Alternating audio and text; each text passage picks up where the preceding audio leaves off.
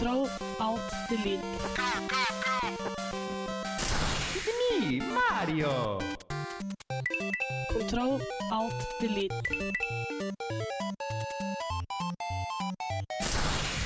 Unable to comply.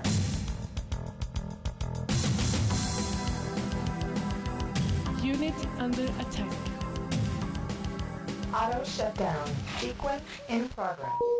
Ready to serve, my lord. God ettermiddag, Trondheim, og velkommen til ei noe nostalgisk sending av Kontroll Alt Elite, da jeg, Erik Vibe, tilbake fra det døde, skal lede deg gjennom en gaminghverdag her i Trondheim. Vi skal selvfølgelig ha anmeldelser, vi skal ha quizer, vi skal ha en hel time dedikert til spillyder. men først her i Radio Revolt skal du få Habitats med Diamond Base.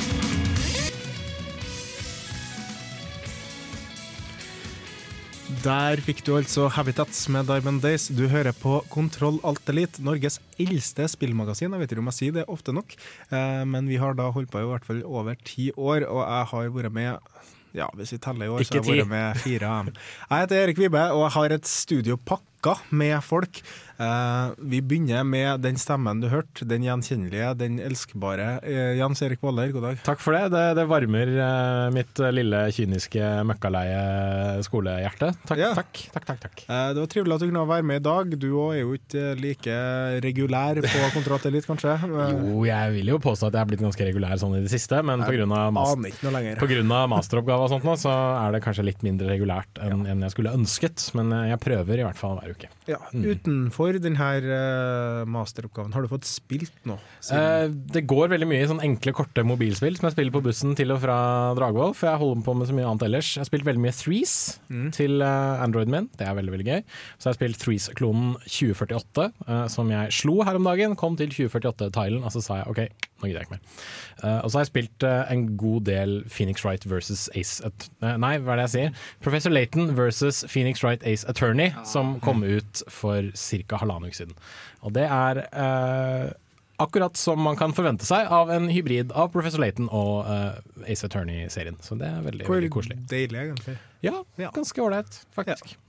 Borterst der i hjørnet så har vi Bård. God dag. Har du spilt noe kult siden sist? Ja, eh, planen var egentlig at eh, forrige uke så skulle vi ha en sending om humor i spill. Ja. Så da tok jeg og spalte et spalt som het Jazzpunk, som er ganske artig. Eh, jeg kommer til å prate litt mer om det senere i sendinga, da jeg har med en anmeldelse. Men sånn rent bortsett fra det, så har jeg tatt og plukka og lagt frem og plukka opp og lagt frem Selda A Link Between Worlds, som er kjempekoselig å spille, altså. Det er på tide at du spiller Selda Link Between Worlds. Ærlig talt, Det høres i hvert fall veldig trivelig ut. Og så er det det her nye menneskene som jeg ennå ikke har blitt sånn studiovarm på, kjenner jeg. Eh, Det er da Chris. Yes. Har du spilt noe kult siden sist du var med i Kontroll? Ja, jeg har jo blitt med i Master PC Race, som Andreas hele tida hjelper å reklamere for. Eh, ah, Jens Erik. Iallfall Det stjal tida mi. Men i Bare alle fall, hyggelig. det var Steam-sale her om dagen på Batman-serien, eller Arkham-serien. da Så jeg bestemte meg for å faktisk kjøpe det og endelig spille gjennom det. Jeg har fått spilt gjennom Asylum nå, og holder på med City. Og inntrykket er ganske bra. Ja. Det er solid. Eh, Det er jo veldig sånn, Jeg liker jo Batman, liker jo mest sannsynlig de spillene der. Og så var Andreas, god dag. Eh, god dag, god dag. Har du fått spilt noe kult siden sist? Eh, nei, jeg har holdt veldig mye på med et spillprosjekt som vi har i programmeringsfag. eh, og det var innlevering åtte i dag tidlig. Så vi bestemte oss like godt for å bare sitte natten gjennom eh, på Glashaugen og I sann utviklerånd. Dere har hatt crunch. Crunch-tid Yes. Crunch-tid har jeg hatt. Eh, og siden jeg valgte å eh, spiller livet i hardcore mode, så begynner jeg å merke noe effekten av lite søvn. Hardcore mode det er, det er hardt, og eh, det er hardcore Hanna, som jeg aldri har kalt deg før. har, du, har du spilt Kan du være så snill å aldri kalle det det igjen? Jeg skal, jeg skal. Second, second that. Gjerne aldri igjen. Uh, nei, jeg har nesten ikke spilt noen ting. Jeg er eh, forferdelig travel om dagen, og den tiden jeg har hatt fri, har jeg prioritert å tilbrakt litt tid sammen med min eh, andre halvdel og sett film istedenfor. Så det har gått eh, en del i mobilspill, egentlig. Jeg har brukt mye tid på et spill som heter Pyro Jump. Eh, mye, mye tid. Alle, alle de gangene man tar bussen og ikke har noe bedre å gjøre, egentlig. Høres ut som meg, det. Ja. Mm. d- det er ikke sånn fryktelig mye spilling i studio, eh, merker jeg. Og sjøl, eh, på level 67 i livet så langt, eh, med expansion pack, to av så har jeg dessverre ikke fryktelig mye tid til spill sjøl. Men jeg kan fortelle at det har gått ganske mye i Diablo, og da expansionen Reaper of Soul, som kom ut i forrige uke, om jeg ikke tar helt feil. Og det skal du få høre mer av senere i sendinga. Men først skal du få høre eh, fra plata Bloody Beach Pirate Radio, så får du Bloody Beach med Disco Impaler her på Radio Revolt. Denne uken i Spillnytt. Det er riktig, kjære lytter, du skal få denne uka i Spillnytt. Og, og for å da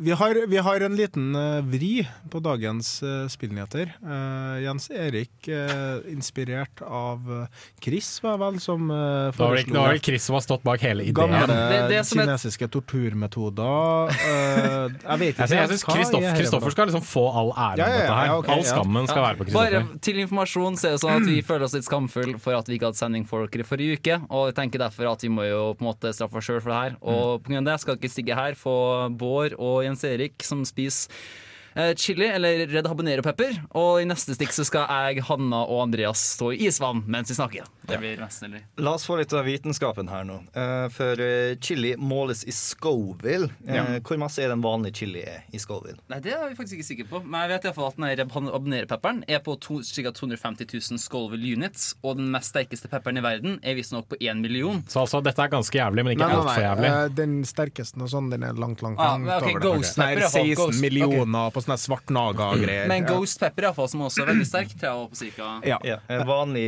rød chili tushy er på mer enn en tusen i hvert fall. Poeng å notere er at uh, den der skalaen er litt sånn som Richter-skalaen. Sånn at den går Den er litt sånn Ja. Fra én til ti så er ikke det fra én til ti nødvendigvis. Eh, så, men uansett, veldig, veldig sterk pepper. Så målet nå er å, at Jens Erik skal spise uh, et tygg av denne habanero-pepperen. Det skal Bård òg. Og så skal de da introdusere Spillnytt til dere, kjære lyttere. Yes. Uh, Amazon, de fantastiske menneskene som selger oss bøker og andre ting på internett, de har nå lansert en medieboks som heter Amazon Fire TV. Hva er spesielt med det, spør du kanskje? Jo, det spesielle med Amazon Fire TV er det faktum at denne her kan du spille spill på. Og Nå skal Amazon rett og slett satse på spill. Om dette her kommer til å bli en sånn uh, eh, konkurrent mot PlayStation og Xbox og sånt nå, det tviler jeg egentlig på. Jeg vil nok Men- tro at den konkurrerer mer mot Oya enn noe annet. Ja, uh, for eksempel. Og Oya er ganske dritt, så det er liksom ikke så veldig stor konkurranse akkurat der hjørnet. Um, men uh, denne dingsen har sin egen spillkontroller. Eh, du får spille Minecraft på den, fordi du kan spille Minecraft på absolutt alt. Eh, og så er det et sånt tårnforsvarspill som heter Sev Zero, som også kommer med på kjøpet. Og så har de hanka inn ganske kjente navn fra spillverdenen, egentlig. Uh, Kim Swift, som var med å utvikle Portal og Quantum Conundrum, er med på Amazon sin spilldivisjon. Uh, det samme er Clint Hocking, som sto bak uh, Far Cry 2. Um, og så skal de også da få med seg uh, Telltale Games for å lage en uh, versjon av The Wolf of Mangas til dette her også. Så det blir spennende å se hva de får til. Hva er Amazon ikke gjør for tida? For at, uh, de fikk jo også den TV-serien Betas, uh, Betas her for ikke så altfor lenge siden. Og så skal de uh, ta og levere pakker med droner og alt mulig. Ja, det skal de også. Eh, Amazon tar over verden, er det vi kan, eh, kan konstatere. Ja. Eh, hvordan går det med dere? Eh, sterkt? Jeg merker at det er litt varmt i munnen. Ellers så går det overraskende greit. For at, uh, Snart matcher jeg T-skjorta mi. Ja, det var det jeg tenkte å si. Ja. Eh, men eh, det var eh, runde én i spillene til? Bård? Jeg har- jeg har en ting. Oh, ja, okay, Ja, Ja.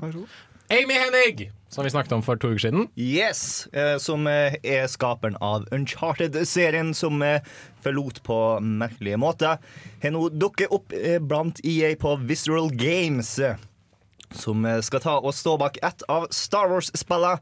Så det kommer til å bli ganske awesome med en av de beste innenfor spillhistorie. Ta og jobbe på en av de beste seriene.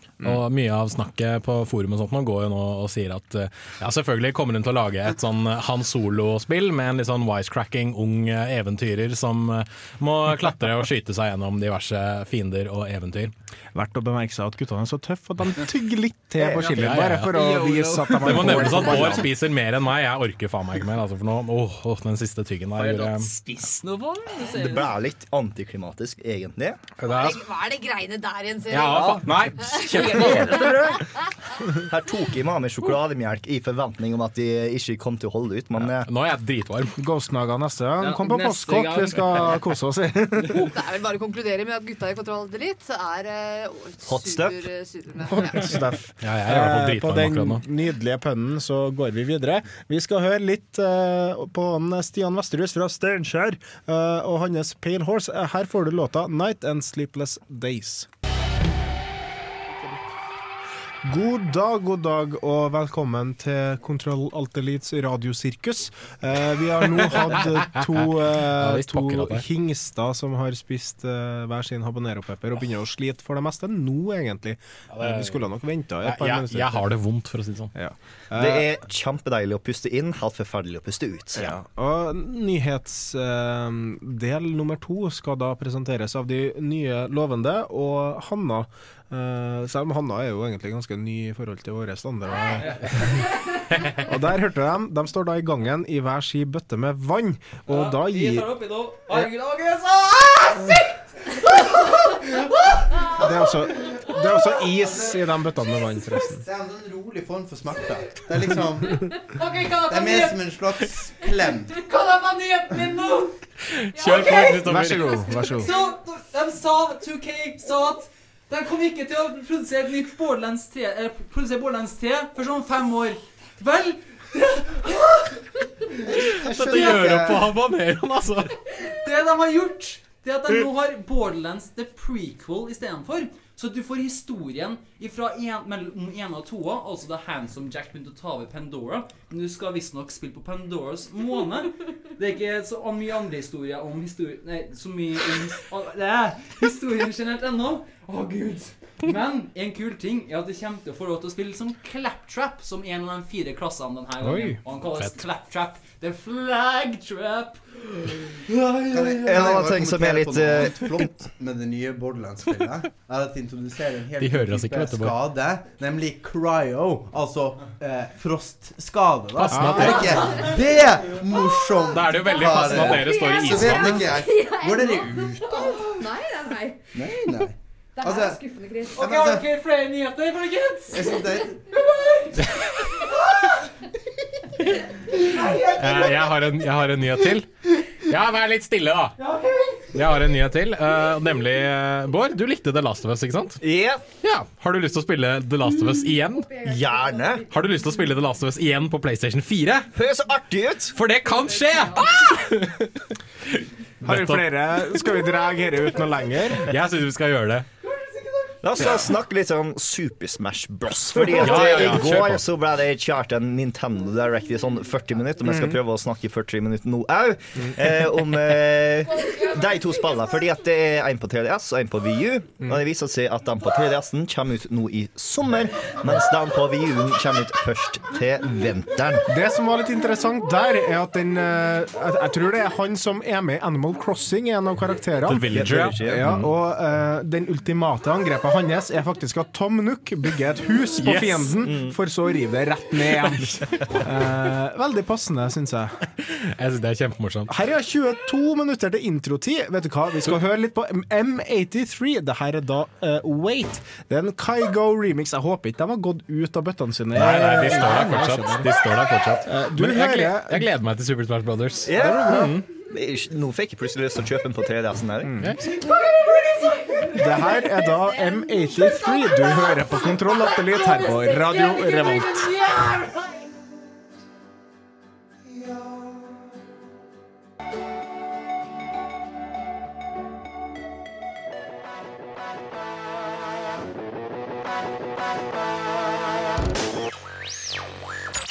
And then he herded them onto a boat, and then he beat the crap out of every single one. The only product ever to be personally endorsed by notorious ladies man, Mr. Shank. Yeah, so this shit is tits, guys. You should see what my bitch thinks of me now. Ukas anmeldelse på Kontroll Alt Delete. Jazzpunk. Jazzpunk er både en hysterisk morsom og forferdelig forunderlig opplevelse. Det består av en hel haug med elementer som vi aldri har sett sammen før, og som fungerer masse bedre sammen enn de burde få lov til. Spillmekanisk føles det som en blanding av gode, gamle eventyrspill som LucasArts produserte tilbake i tiden, men logikk som ikke helt henger på greip. How appropriate! You fight like a cow. Blanda med energien og ADHD-taktene til WarioWare-serien. Dette kommer ganske godt med, da humoren minner en god del om Monty Python og deres abstrakte obligøyer. This parrot is no more. It has ceased to be. This is a late parrot. Og dersom dette ikke var merkelig nok, så blir vi presentert til en verden i førstepersonsperspektiv fylt av tredimensjonale toalettskiltfigurer. Og denne verden er for øvrig sterkt inspirert av sant 50-talls popstil og kald krigsspionasje. Nei! Wow, dette ble litt for masse. Litt for mange referanser der. Eh, La oss heller prøve å komme oss til kjernen til spillet, med å bryte ned det fantastiske navnet hans. Jazz. Jazz er en musikksjanger kjent for å være friflytende og improviserende. Føler musikeren for en saksofonsolo? Vel, hei. Hei, hei, hei. Da blir det en saksofonsolo like lang som det de føler for. Hvor stykket går hen, avgjøres i gjerningsøyeblikket. Punk. Punk er musikksjanger som rett han har mellomfinger mot de etablerte reglene. De vil ikke følge reglene som er satt opp, og vil heller gjøre sin ting uten noe budsjett enn å ta ei eneste krone fra noen andre for å gjøre noe de ikke har lyst til. For punken så er friheten fra det etablerte alt. Polka. Polka er folkemusikk fra Sentral-Europa som blir brukt til å spille opp til dans. Eh, Polka har ikke noe med spillet eller denne anmeldelsen å gjøre.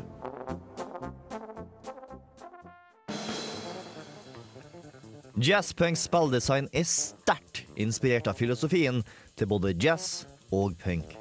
Det er en haug med småspill gjemt inne i spillet som ikke kan ha tatt spillutviklerne stort mer enn én dag å mekke, takket være spillets ekstremt simple design. Det er her filosofien til jazz kommer inn. For eksempel. I løpet av det første kvarteret så trykka jeg på et par tilfeldige plasser. Dermed ble jeg bedt av en fremmed om å pirke smulene av fjeset hans. Og så gikk jeg inn på en kino, kun for å plage de andre i salen med sigarrøyk og popkornkasting. Eh, Og så klikka jeg på en pizza og havna i et skrekkspill med pizzazombier og referanser til Evil Dead og The Shining. Og hvorfor det? Spør du kanskje. Hvorfor ikke? Er spørsmålet jazzpunk stiller tilbake.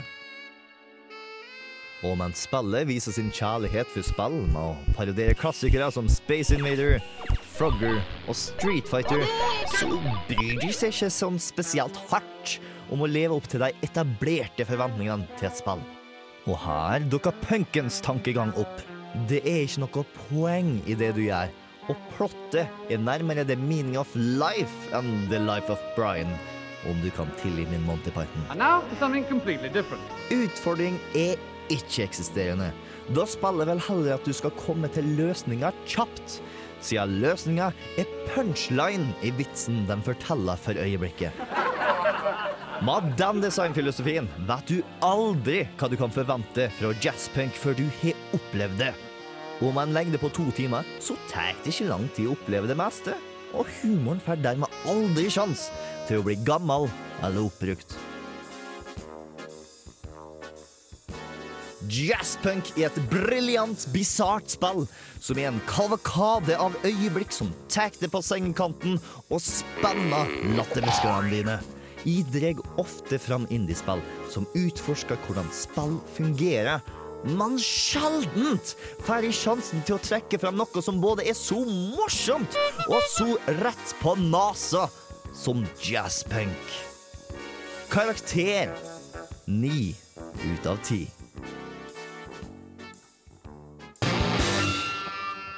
Der fikk du altså Wet Blankets med TV Suicide, før du fikk anmeldelse av Jazzpunk av Bård Ræstad. Yes. Eh, liten, fin indie-perle som er ute på PC for 15 euro. Mm. Ute på Steam for dere som liker sånt. Kanskje den kommer på påskesalget? Hvem vet? Ja, faen, det er jo påskesalg.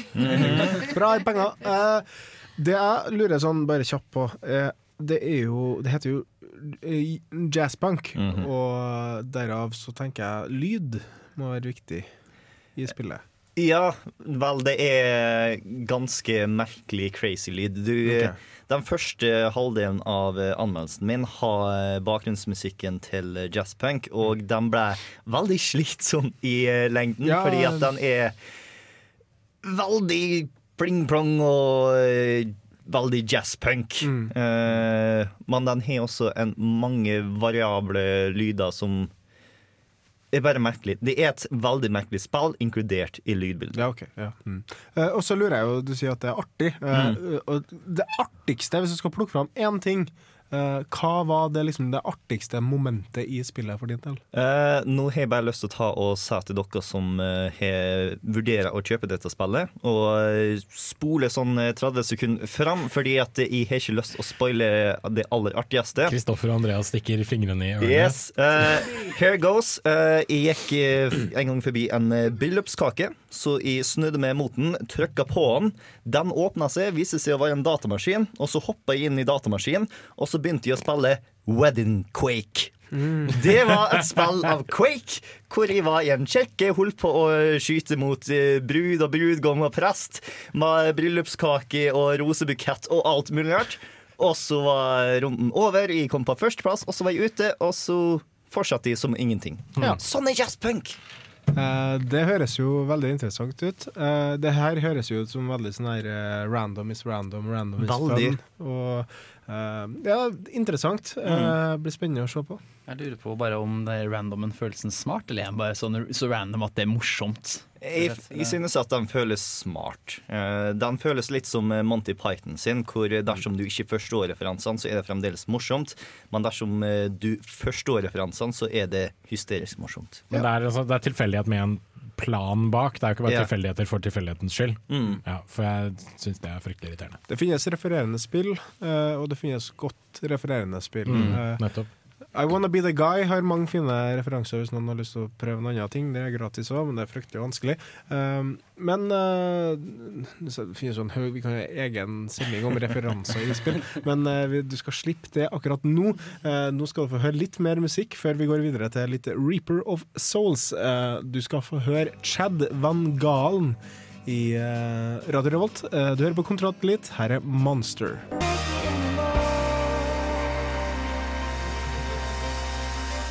Aurora Aksnes gir deg der sine Runaways, og du hører fortsatt på Kontroll på Radio Revolt, hvor vi er hele ja, hva blir det? Seks mennesker i et radioprogram. Det er jo uhørt, egentlig. Eh, men eh, det kommer, det kommer godt med når vi skal ha vår eh, time to, som du kan da laste ned på iTunes eller på, høre på Stream on Demand. Nå må noen kanskje skru av PC-en sin, så den ikke står og vifta står og bråker så veldig.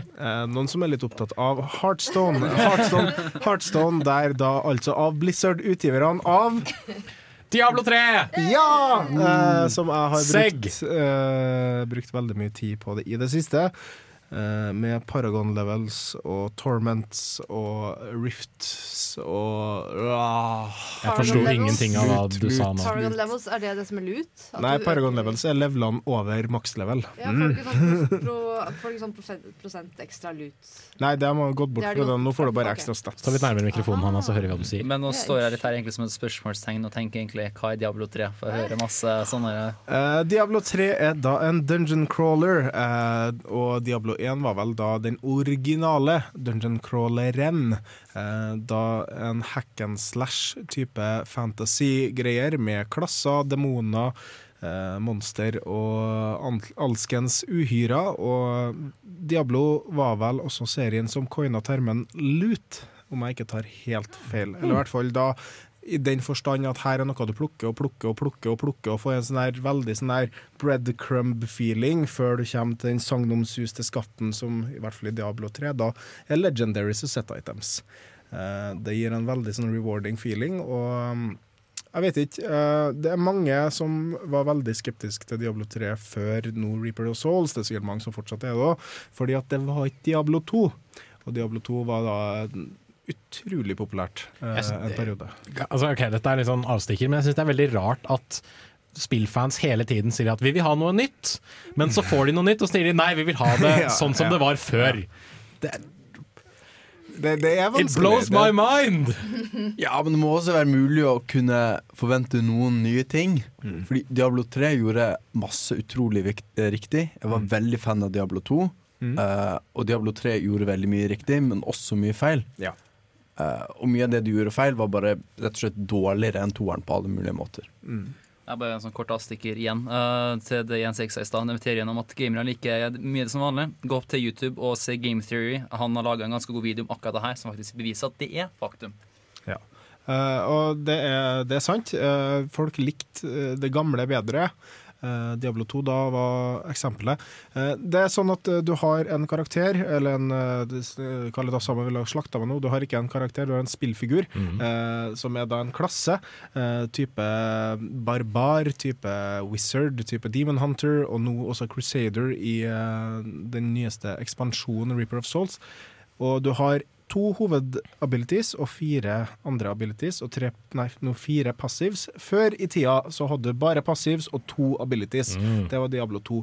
Eh, nå Føler at du kan gjøre mer nå, da, kanskje. Ja. Eh, og eh, det som var kritikken, var at hvis du ville lage en bone spear necromancer istedenfor en blood golem necromancer, så måtte du spekke på en helt spesifikk måte når du levela. Eh, mens i det nye Diablo så kan Witch Doctor Nå har jeg lyst på dots, nå har jeg lyst på gargantuan, nå har jeg lyst på burning dogs spekk. Ikke sant? Og så det er veldig mange sånn Ja, men i gamle dager, da måtte du jobbe hardt for din vanskelige, vanskelige spekk. Og du fikk ikke noe igjen før helt på slutten, ikke sant? Og um, så er loot-systemet forbedra, og det, det, alt bare Ja, det er en loot-fest. Ja, og selv om jeg var sykt fan av Diablo 2, så var det egentlig det veldig forferdelig. Ja. Altså, Med en gang du begynner å spille, så aner du ikke hva som er bra. Så du bare Mm. tar litt 'Å, det så kult ut'. Og så bare 'Nei, det var en dårlig bild. Nå må jeg begynne helt på nytt igjen'. Alt er ødelagt. Og uh, Diablo 2 er også det, eller Diablo er også den serien som har åpna veien for spill som uh, jeg vil si Bastion, uh, Torchlight, dem både perspektivet og loot-systemene. Eh, da er Bastion hovedsakelig perspektivet, og det er at du kan springe rundt og slå ting. Eh, og altså, Du kan jo selvfølgelig si at Link og Zelda, Link to the Past, var med der også, men i hvert fall eh, ja. Og Loot Frenzy. Og Loot Friends, Oh, ja. Eh, for min del, så, og her er kanskje det, det store greia mi, eh, jeg kan optimalisere min luting. Jeg kan gjøre ting bedre, og jeg kan jobbe som en fabrikk for å få det og det eh, legendariske våpenet og det og det sett-itemet osv. Og, så og det er det jeg liker. Jeg liker å jobbe når jeg spiller, av en eller annen grunn. Og jeg aner ikke hvorfor, men det er deilig eh, å finne ut at det her er mer effektivt enn det, og derfor gjør jeg det 120 ganger istedenfor det andre. Så du anbefaler Reaper of Souls, altså? Det gjør jeg. Ja. For dem som liker luting. Du skal få høre litt mer K-Zun her i Radio Volt. Det her er låtene Weh Weh.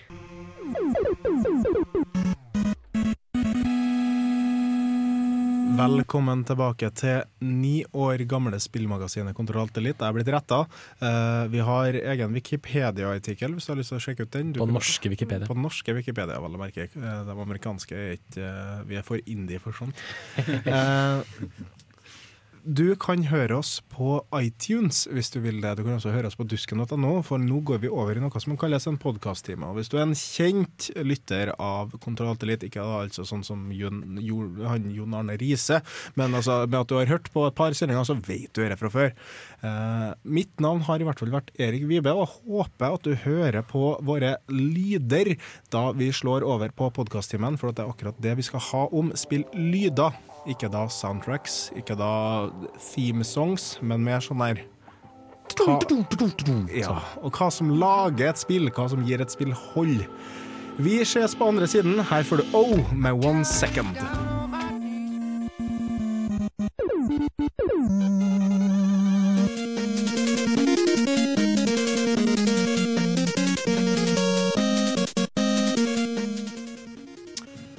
God dag. Hvor du nå enn er i verden. Dette er den eh, famøse podkast-timen til Kontrolltillit, hvor vi ikke bryr oss så strengt om radioregler.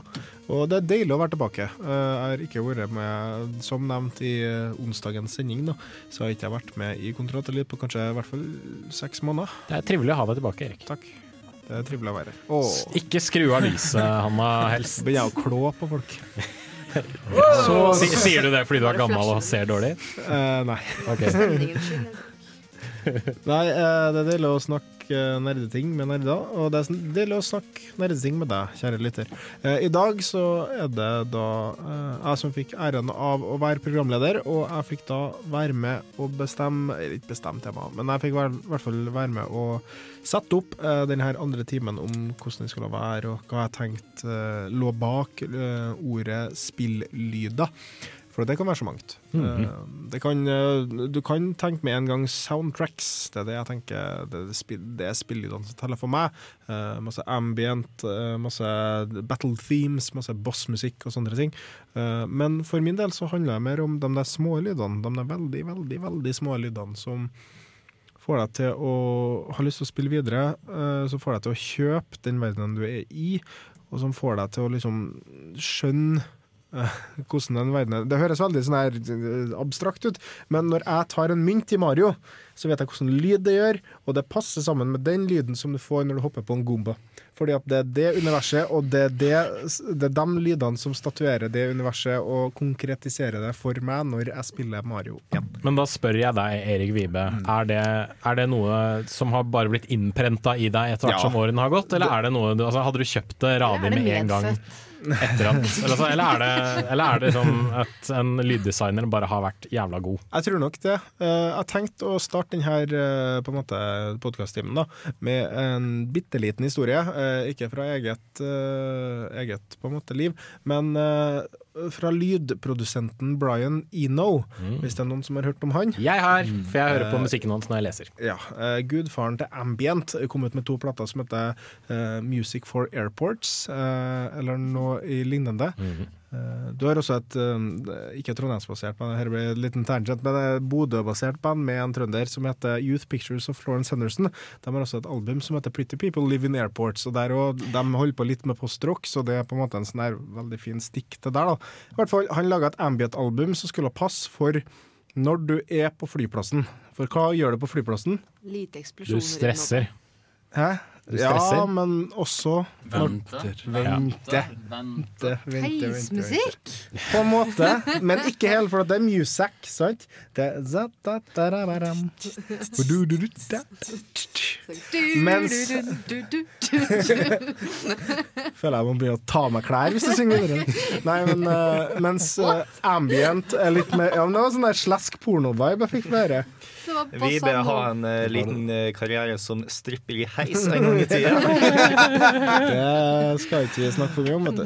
Nei, men ambient er mer litt sånn der bo, lange lyder, lange, lange lyder. Sånne landskapslyder, nesten, hvor du føler liksom at dette tar meg med til en plass, tar meg med til en annen plass enn der jeg er, og får meg til å liksom være veldig sånn. Men eh, det folk ikke da forventer av en som lager ambient, som er veldig sånne lange låter på 15 minutter, ofte 20 og så oppi der, er at han lager også veldig, veldig, veldig, veldig korte lyder en gang i tida.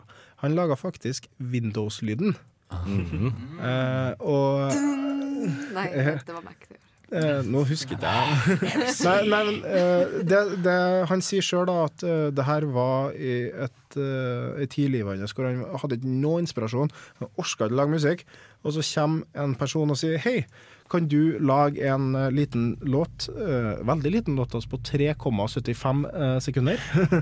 Eh, og da altså Det blir vel eh, tre sekunder og ja, 45 sekunder. Ja. Uansett, da. Og han sa ja, det vil jeg gjerne. Og etter det så har han aldri laga musikk på samme måten siden. For, for da begynte han å telle nanosekunder og mikrosekunder og lage låten sin etter oppbygginga på å høre Altså, så lite, da! Det er vanskelig å forklare, på en måte, men uh, hvis du da tenker på Der er det Brian Eno? Det er? Brian Eno, yes. Ja. Fra plata Ambient 4 slash On Land. Ja. Så det, det du hører i bakgrunnen, er ambient-lyd. Han er eh, briljant musiker. Alle sammen burde sjekke ham ut. Han har masse å gjøre med hva som uh, definerer sånne der veldig små lyder og veldig veldig store lyder innenfor uh, der ambient. Og, uh, ja, hvis du tenker på Windows-lyden, så er det veldig sånn her ja, ja, men det er jo bare en lyd. Men den er bygd opp med så mange lag. Og Nokia-lyden er likedan. Det høres ut som bare dun-dun-dun-dun, ikke sant? Men måten hjernen vår på en måte prosesserer dette på en sånn deilig sånn Jeg liker dette catchy. Det setter seg. Jeg tåler å høre på dette 5836 ganger i løpet av to år. Eh, for det er ikke mange lyder vi orker å høre på Det er sant. 5236 ganger i løpet av to år. Som for eksempel dial-up-lyden da telefontilkobling var greia. Ja. Og for de som er for unge for å huske det, det hørtes sånn cirka sånn ut. Bang, bang, bang. Bare dritt. Yeah. Nokia-lyden, da, i min, etter uh, hva jeg kan huske, så, sånn som da jeg hadde min 3210, 30 3310 hadde jeg vel, så var det en veldig enkel lyd. Uh, men etter hvert som det har kommet nye Nokiaer opp gjennom tiden, så har jo den på en måte blitt mye mer sofistikert. Ja, ja, de har lagt på mye mer. nesten, Nå har, de lagt til, liksom, nå har de endt opp med Mm. det, ja, et orkester fra liksom 8-bit-lyd. Mm. Så det er jo tydeligvis Det er et godt eksempel på Ja, ja, ja, mye det bare kan være. Bare med. Men hvis vi tar det Brian Eno-eksempelet på Windows-lyden, og så tenker man uh, tilbake til Nintendo, kan vi begynne, vi kan nesten begynne på pong. Det er, mm, dup, mm, ja, altså, Ja. Den begynte med dupp-dupp, og så ble den mer en sånn her håndfast ting som evolverte etter hvert som spillet kom fra liksom, Arkaden til hjemmekonsollen osv. Mm. Og hvis man tenker på myntlyden i Mario, eh, så er den jo Det baserer seg på to lyder, tror jeg. Ja.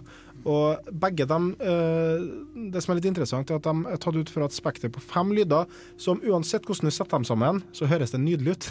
det er på en måte eh, Jeg husker ikke helt lyden på, eh, ordlyden på det nå, men i hvert fall nesten alle sånn seiersfanfarer fra Nintendo-tida, fra Amiga-tida og sånne ting, er bygd opp på de der fem notene. da. Såkalte pentatonics. Det stemmer veldig godt.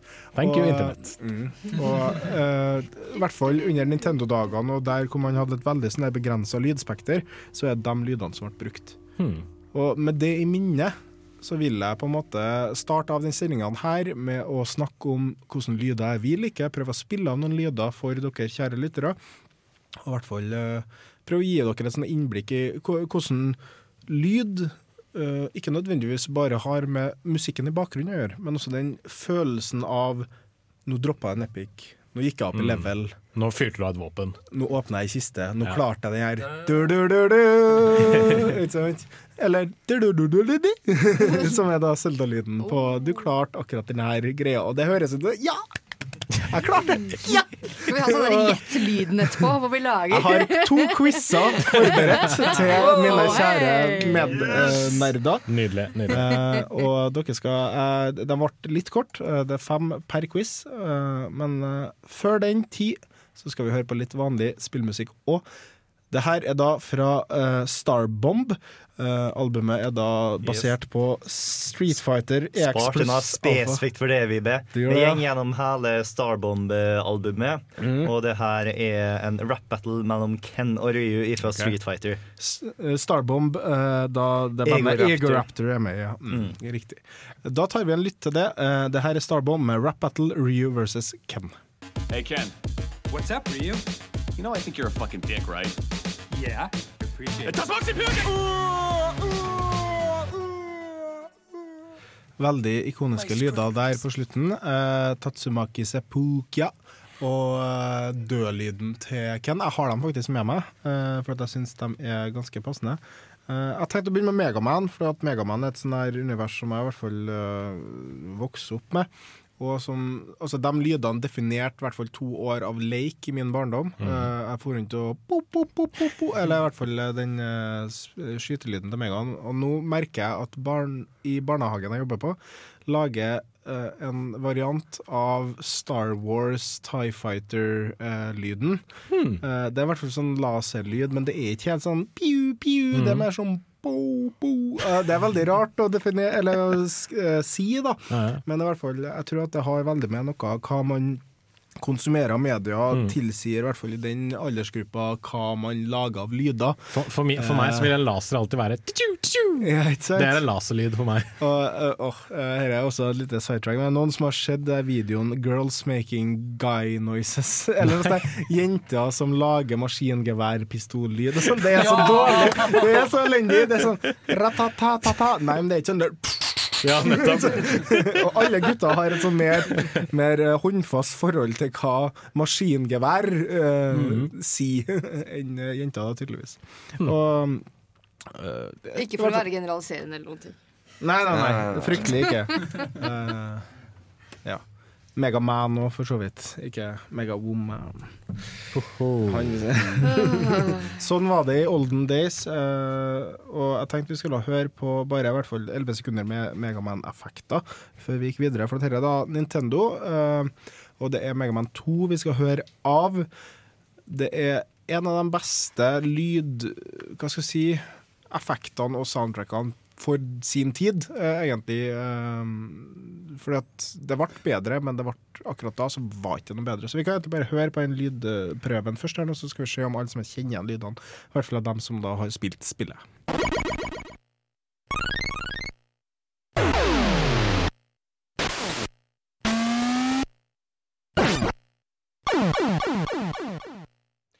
Der hørte du da eh, rundt sju-åtte forskjellige lyder. Ja. Ja, jeg kan bare si med en gang Det er faktisk ikke så lenge siden jeg spilte uh, Megaman 1 og Megaman 10 på VU. Mm. Så at uh, den lyden der ja, kjenner jeg ganske fort igjen. Og, Men det er gode lyder. Det er liksom Megaman er et av de spillene der du dør veldig mye. Iallfall i mitt tilfelle. Mm. Men uh, lydeffektene, altså, de, de er liksom, Jeg syns de er morsomme. Ja, de, de, de går jo stort sett gjennom hele spillserien med de samme lydene, variasjoner av Mm. dem. Og en av de der lydene var 'nå får du helselyden'. Og Den er eskalerende og veldig sånn små. Og hvis du ser på health-baren til Mario, så er jo Nei, Mario så er Megaman, så er det også veldig mange forskjellige sånne Eller veldig mange uh, sånne Den er dots- segmentert. Ja, segmentert. Ja. Mm. Og den fylles opp i takt med det, og det er veldig sånn deilig. uh. Så fint at du sa Mario, for jeg har ikke spilt Megaman. Men den Mm. siste hørtes for meg veldig ut som når Mario går ned i et rør. Ja, det er du-du, du-du, du-du. Men det er da dødlyden til Megaman. hvor Jeg trodde den første var dødlyden. Uh, hva, eh, Skal vi spille på nytt? ja. Nei, det er når han eh, starter en level. Når du beamer ah, ned. Eh, når du beamer Men, det er, ned men det, er jo litt, det er jo litt det samme, da, fordi du beamer ned, og da er det den lyden. Men du eksploderer jo og blir til masse små biter, så det er kanskje Ja, det er litt på det samme. da Mye det samme. Nå har ikke jeg spilt noe særlig Megaman, men jeg syns det er veldig spennende når eh, man nevner at å, det minner meg om den lyden fra det spillet. For det er nesten som man har et litt sånn universelt språk på noen av disse lydene. For eksempel en du Det er liksom alle Nå får jeg helse. Det er liksom Nesten Mm. alle spill så er det liksom litt samme språket. Men jeg tror, en, jeg tror en del av det er preget av det faktum at de hadde ikke så mye eh, ting å lage dette Mm. her med. De måtte improvisere veldig, og de hadde liksom vel, alt var veldig begrensa. Så jeg ser for meg at veldig mye av det var at de Enten så prata de sammen, eller så var det rett og slett at de alle fant ut litt samtidig at vi må gjøre det på denne måten hvis vi skal hvis vi skal ha en positiv effekt. Vi må gjøre det på denne måten hvis vi skal ha en negativ effekt. Men så har det jo veldig med liksom, timinga man bruker med hjemmespillene, der du Mm. assosierer med liksom, det å skyte pistolen, det med å, at der kommer laseren, der kommer Megaman, der dør Megaman og sånne ting. Og etter hvert så kunne de jo gjøre mye mer med lyd. Og jeg tok med Sonic, eh, en lydprøve derfra òg, som jeg klippet sammen. Um, det her er bare også helt tilfeldige lyder, men jeg håper at noen eh, kjenner igjen dem hvis de har da spilt Sonic-spillene.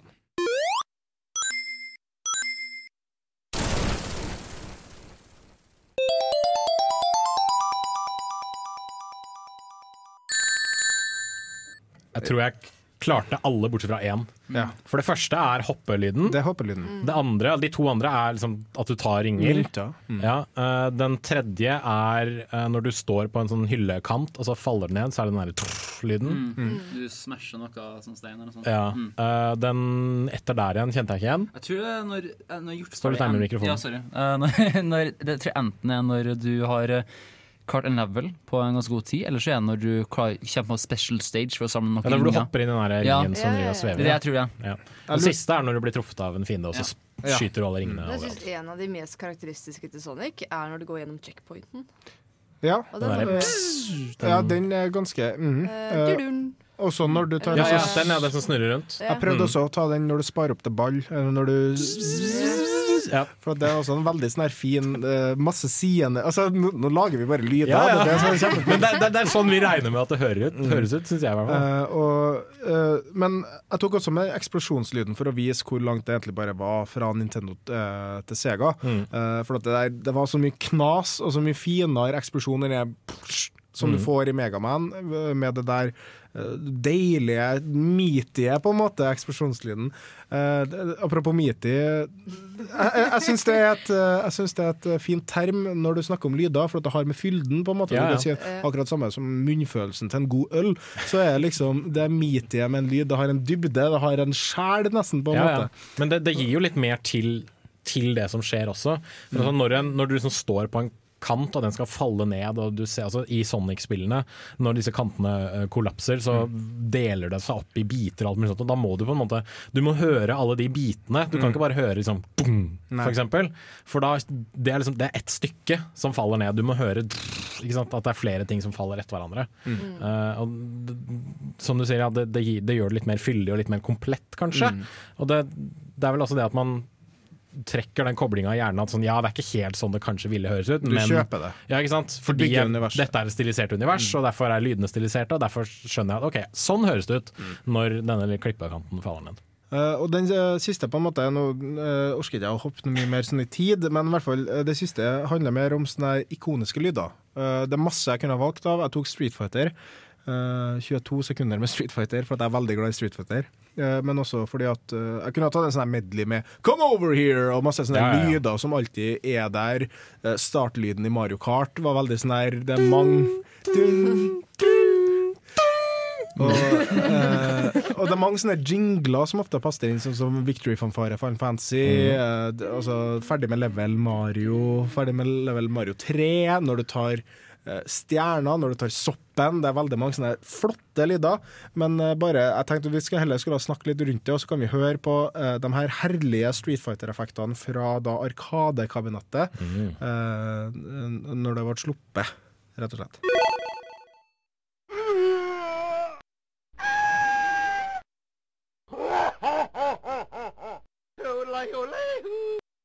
You win, Japan.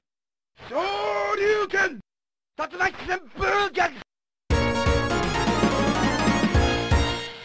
Eh, jeg Den, syns- den jodlinga der, Ja, er det det er Vega. Det er Vega, ja! Det var, det var akkurat det jeg skulle til å spørre Man glemmer at Vega har jodla. Ja. uh, men uh, det var en av uh, de eh, winner-stansene til eh, Vega, var Ja. at han da jodla idet han vant med Så både kloa og Og, og så det er latteren er M. Bison. Mm.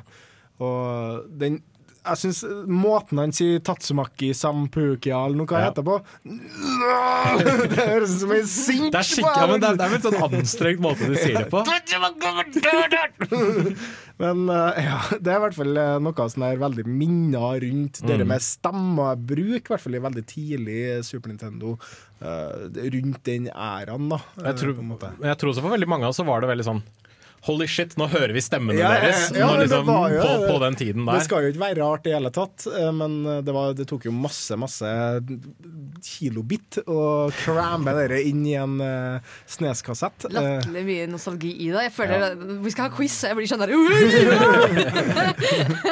Eh, ja, Apropos quiz, så er egentlig det det neste på agenda. Jeg tenkte vi kunne bare kunne kjøre gjennom den nå, og så kan alle sammen komme med liksom eh, Ja, Bård? Eh, Før du gjør det, så har jeg bare lyst til å påpeke Når du tok og sa Scorpion sin catchphrase, Mm. så sa du 'come over here' Nei, i stedet for 'get, get over, over here. here. Og det ble så masse mer koselig. Jeg har lyst til å komme bort til Scorpion og sånn, legge armen rundt og si 'all right, let's get a beer'. Men, men det er vel to ting. Han sier, come, han sier 'get over here', og så 'come here'! Tror jeg også er en av Ja. frasene hans. Så jeg blanda dem to. Uh, men eh, ja, det er en sånn her eh, Veldig, veldig kjent lyd. Eh, kanskje en av de mest eh, kjente frasene, i hvert fall. da Men uh, vi setter egentlig i gang med uh, en quiz her. Da er det da Jeg tenkte ikke vi kunne ha tatt med Vi kunne ha tatt med noe penne og gjort det sånn her veldig. Men hvis dere har uh, vi, vi, vi prøver å holde det hederlig, og så ser vi hvem som får alle med håndsopprekning på slutten. Ok, Så det er fem lyder på rappen? Fem lyder sånn cirka på rappen. Det er litt det er en morsom prøve, tydeligvis. Ja. God dag, alle sammen, og velkommen til Eriks superquiz her i Kontroll Alt Elite. Dagens første tema er level up. Og jeg er spent på om du har fulgt godt med i timen når det gjelder din levling. Så her er første kandidat ut.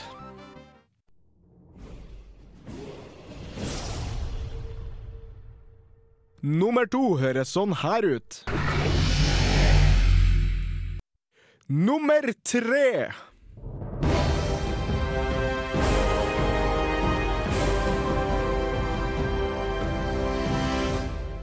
Nummer fire får du her. Nummer fem. Da håper jeg at det knirker og knaker i din hjerne. Videre i programmet kommer én kategori til, så bare følg med. Mitt da alter ego, Erik Børge, eh, har satt sammen en quiz til dere. Eh, det var fem eh, jeg synes, Det er én som er veldig vanskelig, synes jeg, som er veldig spesielt interesserte. Men de fire andre syns jeg enhver nerd skal klare. Eh, Jeg tok to. Du tok to. Chris? Det verste er at av fire av dem så tenkte jeg sånn Oi, shit, jeg har hørt den før. Jeg liksom har navnet på tunga på alle sammen. Men nei. Du, er det noen som får til flere enn Jens Erik? Jeg tror kanskje tre Nei, jeg er også Jeg skal påstå at de klarer tre, og kan i hvert fall ta og plassere en fjerde i et japansk rollespill. Eh, Det høres ganske riktig ut. Eh, Men eh, Jens Erik, du kan ta en eh, av dine først. Ja, eh, Den første kjente jeg med en gang. Det var Skyrim. Det er Skyrim. jeg, jeg tenkte jeg skulle gå for Morrowind. For, for For jeg liksom- har, jeg, jeg har spilt en god del Skyrim, og den derre Men den er deilig! Den Det er ganske, ja, ikke sant? eh, Det føles sånn, bare sånn Faen, yes! Nå har jeg fått enda mer styrke. Det er sånn, Og så får du temasangen på hjernen. Ja, ikke sant. Bård, har du lyst til å ta en? Uh, nummer tre mener jeg er South Park Stick of Truth. Det stemmer ikke. Nummer to, kan jeg prøve på den? Ja. Er det World of Warcraft? Det er World of Warcraft. Of Den klassiske dingen. Mm. Eh, Jeg skal bare se på jukselappen min her. Nå husker jeg nesten ikke hvordan dette her høres ut. Ja, men Nummer én på Skyrim, ja. Helt riktig. Uh, nummer to på eh, World of Warcraft. Helt riktig. Nummer tre Prøv, prøv å etterligne lyden, da. uh, Vi kan egentlig altså, vi, kan, vi kan kjøre en gang til. Skal vi spille hele dritten på nytt? Vi Ja, gjøre vi kan snakke over det, i hvert fall. Da. Ja, OK. Da gjør vi det. I hvert fall da, Uh, Skyrim, ja, nummer én. Og det mandige, herlige vikinglyden. Eh, nummer to, uh, World of Warcraft. Veldig sånn der kraftig, bare en sånn dingelyd, rett og slett. Da hører vi de fem lydene på nytt. Skyrim der, Ja, Skyrim, ja. altså. Nummer to høres sånn her ut. World of Warcraft. Nummer tre. Jeg syns ikke, jeg syns ikke den passer til spillet i hele tatt. Nummer fire får du her. Nummer fem. Pokémon. Pokémon. Er Helt nummer tre ifra Fallout? Det er helt riktig. Det er Fallout 3. Okay, Um, er nummer fire fra Final Fantasy 12? Det er helt riktig. Du får poeng. Eh, jeg, skulle, jeg kunne ha vært streng og sagt Pokémon black and white. eh, fordi Var det spesifikk black and white? Jeg tenkte at jeg skulle være ganske spesifikk her, fordi at Men, det er en mye rundere lyd enn det er på Red, og det er på f.eks. Men tidligere. melodien er jo den samme, da, vil jeg påstå. Ja, ja, ja, ja helt samme, helt Ja, ja. samme lyden. Um, og ja, hva syns dere? Eh, det er utrolig hvor lite som skal til på en måte da, før man gjenkjenner et spill, tenker jeg. Eh, det der med Pokémon er jo tre, tre lyder, omtrent. Og så er jo level up er litt en egen sjanger. Ja. Den er laget for å gi sånn skikkelig god følelse. Det er sånn, Neste, neste kategori er på en måte Jeg prøvde å begynne med stage clear uh, som temaet til quizen, uh, men så endte jeg opp i ting som tar slutt, eller på en måte sånn der um, slutten av noe. Uh, det kan i et spill det har vært- Katarsis-lyden. Ja, ikke helt, men i hvert fall uh, slutten av noe. Vi kan egentlig bare kjøre quiz nummer to med en gang.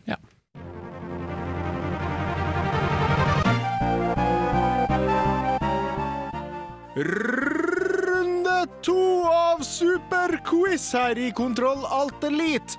Denne gangen har jeg valgt et tema som går ut på Når du er ferdig å spille, hører du de her fem lydene. Lyd nummer én. Lyd nummer to.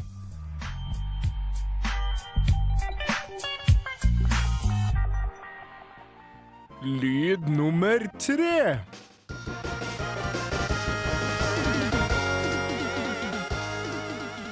Nummer fire. Og til slutt, selvfølgelig, lyd nummer fem.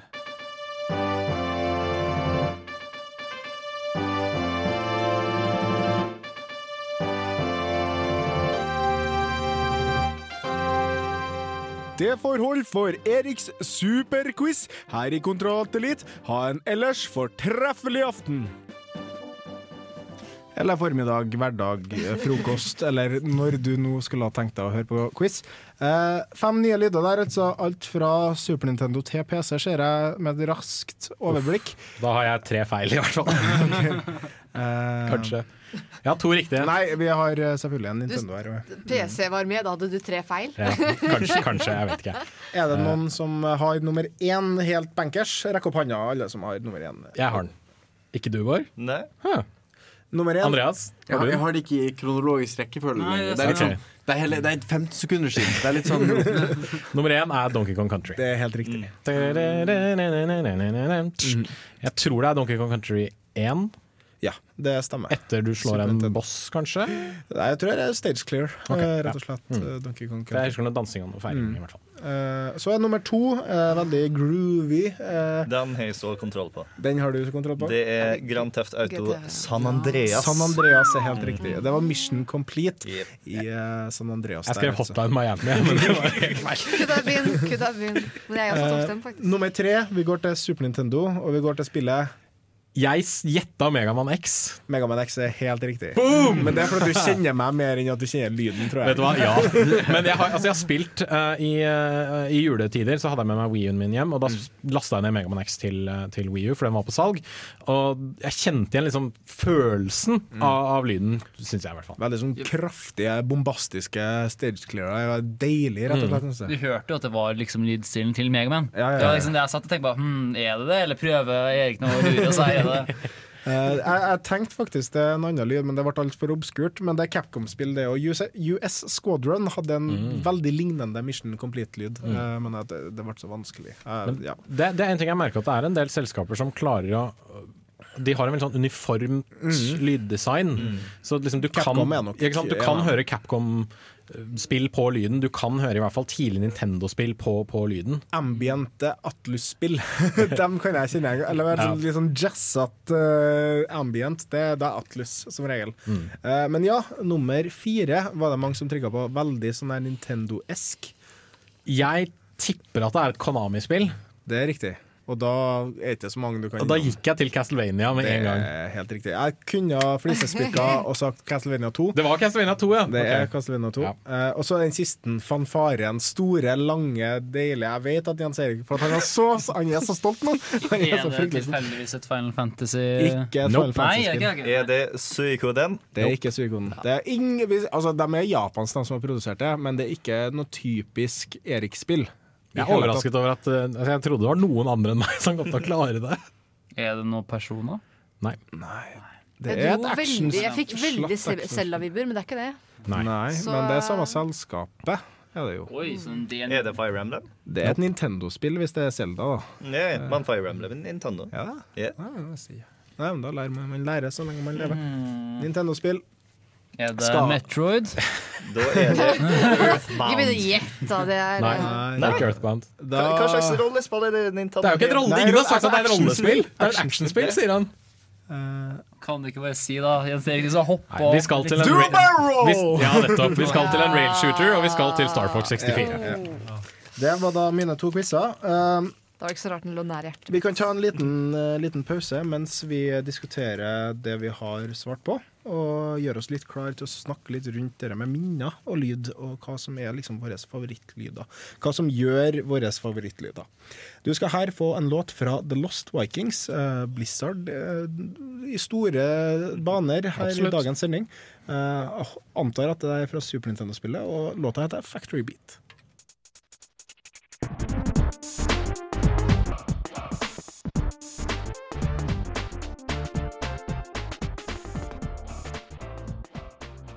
Velkommen tilbake etter The Lost Vikings der, Factory Beat. En av dem heter Erik. Det visste dere kanskje ikke. Er Det, en det, heter det var jeg veldig stolt over da jeg var yngre. ja, eh, det er den eneste spillfiguren jeg tror jeg visste om som faktisk het Erik. Eh, Det finnes vel et par andre, eh, men jeg kommer ikke Ja, på sikkert noen i The Banner-saga eller noe sånt som heter Erik. Uh, ikke som jeg husker. Det er litt sånn, det er litt sånn halvpåtatte Ja, det, det blir litt sånn som uh, det er, Nå går vi over igjen. Det er som når de sier 'who the faen is this'? Det sånn. Ja, nei, men det, det her er jo nok en nisje, på en måte. Hvis vi går over i japanske eh, serier, så har jeg diskutert veldig med en eh, da også tidligere kontrateliter, Kalle Dassam, om at eh, eh, Japan har et veldig stort uh, forskjellighet for tyske navn. Hvis du ser Ja. Full Metal, metal Alchemist og Men du er jo litt Attack altså, on Titan Men altså, begge de to er basert på Ja, europea, da. men også europea, ser Europa. Eu- eu- Europea! Europea! Hva faen? Amestris i Fullmetal Alchemist er jo Europa. Ja, ja, ja. Sånn Men, men fortsatt så har du også på en måte Uh, I Fine Fancy så har du en hanske som heter Ergeis, som Mm. betyr noe sånt som uh, ærlighet eller et eller annet sånt her. Og det er veldig mange sånne eh, bare tidbits som har med Tyskland og tysk å gjøre. Mm. Egentlig veldig uheldig at det er Japan som får liksom det tyske opphenget, men eh, det er en annen podkast om historie. Men spesielt det du nevner med Attack on Titan, er jo veldig altså, Mm. Der er det jo veldig påfallende. Folk som heter er, er, Ruga! er, Eren Jeger og Arlert og liksom Kirstein, Kirstein er det en fyr som heter til etternavn. Og uh, det er en med fornavnet hans er Bertholt. Sånn- Bertholt! Ja. Mikkel, hører du oss? Nei, eh, Mikkeru-chan! Hei og Mikkeru-chan! Nei, men eh, det er i hvert fall utrolig påfallende. Um, tilbake til det vi egentlig snakka om. Så der fikk du da eh, Lost Vikings, ja, og vi har hatt to quizer, og vi skal snakke litt om favorittlyder i spill. Og jeg tenkte å begynne eh, med en ny favorittlyd for min del. Eh, det er en veldig enkel lyd. Og dem som, jeg, jeg, hadde, jeg fant dessverre ikke noe eksempel av det som kunne høres uten å høre alle andre lydene. Jeg fant ikke den på en måte alene. da. Og det er lyden av en legendary som dropper i uh, Diablo 3 nå. Det er en sånn tung, deilig Det høres ut som ingenting annet i hele spillet, og det er en sånn der butt-lyd Uh, som er klunk.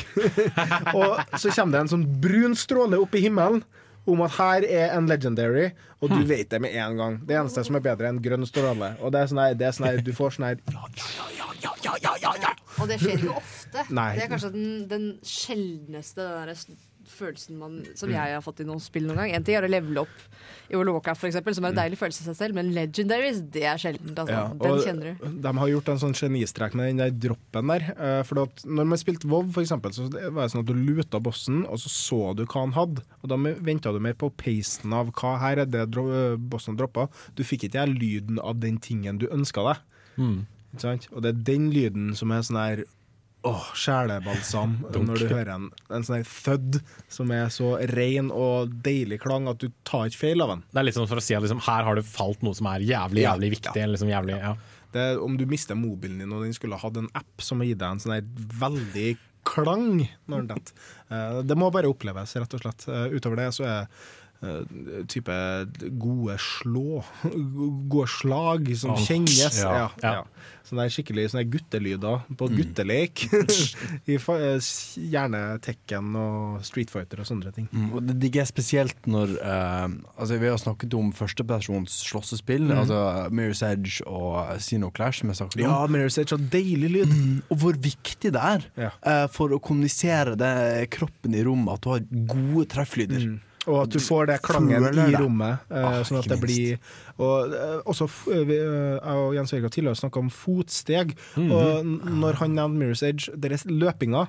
Du føler at det er løping. Du føler ikke at det er noe utakt. Ja, du føler at det er sånn freeform running, nesten, på en måte. Og det er ikke noe sånn påtatt, på en måte. Den lyden jeg kommer på når jeg hører fotsteg, Mm. det er fra Selda. Det er inni Temple of Time, når du hører denne Du hører der, ja. mm, lyden, altså denne døren, og så hører du denne ekkoene som slår i veggene inni tempelet der. Det er, eh, den er god, altså. For meg første, og den har jeg kjent igjen i en låt en gang i tida, eh, er den lyden du, når du bruker løpeskoen til Link i Links, uh, Link to the Past. Ja. og det er sånn veldig ikonisk for meg og Selda, på en Mm. måte. Eh, bortsett fra de der jinglene og uh, chimesen som er i alle måte. spesielt i, i Link's Awakening så kunne du få den, for da fikk du en sånn hoppefjær mm. som lagde sånn her, litt sånn Mario-aktig hoppelyd, men den kunne du kombinere med Pegasus-støvlene, så du fikk Å, ja. og så, så hoppa han over en sånn Ah. treruters gap. Da. Det var kjempemorsomt. Jeg merker at uh, Lyd har veldig mye å si for hva jeg liker å gjøre i spill. Mm. Uh, Half-Life 2 eh, hadde noen veldig gode lyder og noen veldig dårlige lyder. Mm. Eh, den, den vanlige pistolen var helt sånn pa, pa. Veldig lite kraft i den. Så da, selv om den kanskje var god, så brukte jeg den nesten aldri. Jeg brukte mye heller revolveren sånn ja, ja, ja. Og det der er også veldig sånn her i Golden Eye, eh, så har du et par eh, våpen der som lager en sånn veldig sånn her deilig skytelyd. Eh, fordi at det er sånn her Den der P- P90-en, som er sånn handgun med silencer, det er sånn tjum, tjum, tjum, og det er heslig. Du bruk ikke den! Æsj! Ikke sant? Men det der eh, så ser ut som det har sånn pilgreier, litt sånn grå, så har det sånne røde piler, og så skjøter den et sånn lite høl. Den er deilig. Nei, det er vanskelig å forklare, men den lager i hvert fall en nydelig, nydelig lyd. Right. Uh, det jeg skulle si uh, angående dette med fottrinn eh, Fordi jeg på, på GDC så fikk jeg snakka med en lyddesigner eh, som heter Stefan Schutz. Han er faktisk australier, ikke tysker. eh, og som er en såkalt sound librarian. Han er liksom lydbibliotekar for, for dataspillyder. Eh, og han har gjort en sånn eh, videoserie hvor han analyserer lyden i spill. Og Han nevnte spesifikt det der med fotavtrykk, da, at fotavtrykk er veldig viktig i dataspill. Han veldig, snakka veldig sånn fort og gæli og, og sånn. Eh, og fordi når du går rundt til vanlig, så filtrerer du ut dine egne fottrinn. Du hører det veldig sjeldent. Eh, men i dataspill så kan du ikke filtrere det ut på samme måte. Eh, så hvis de da skrur opp lyden av fottrinnene for høyt, så blir det irriterende å spille. Eh, liksom av personlig eksempel, Final Fantasy 13 har veldig høy fotavtrykklyd, da, eller fottrinnlyd.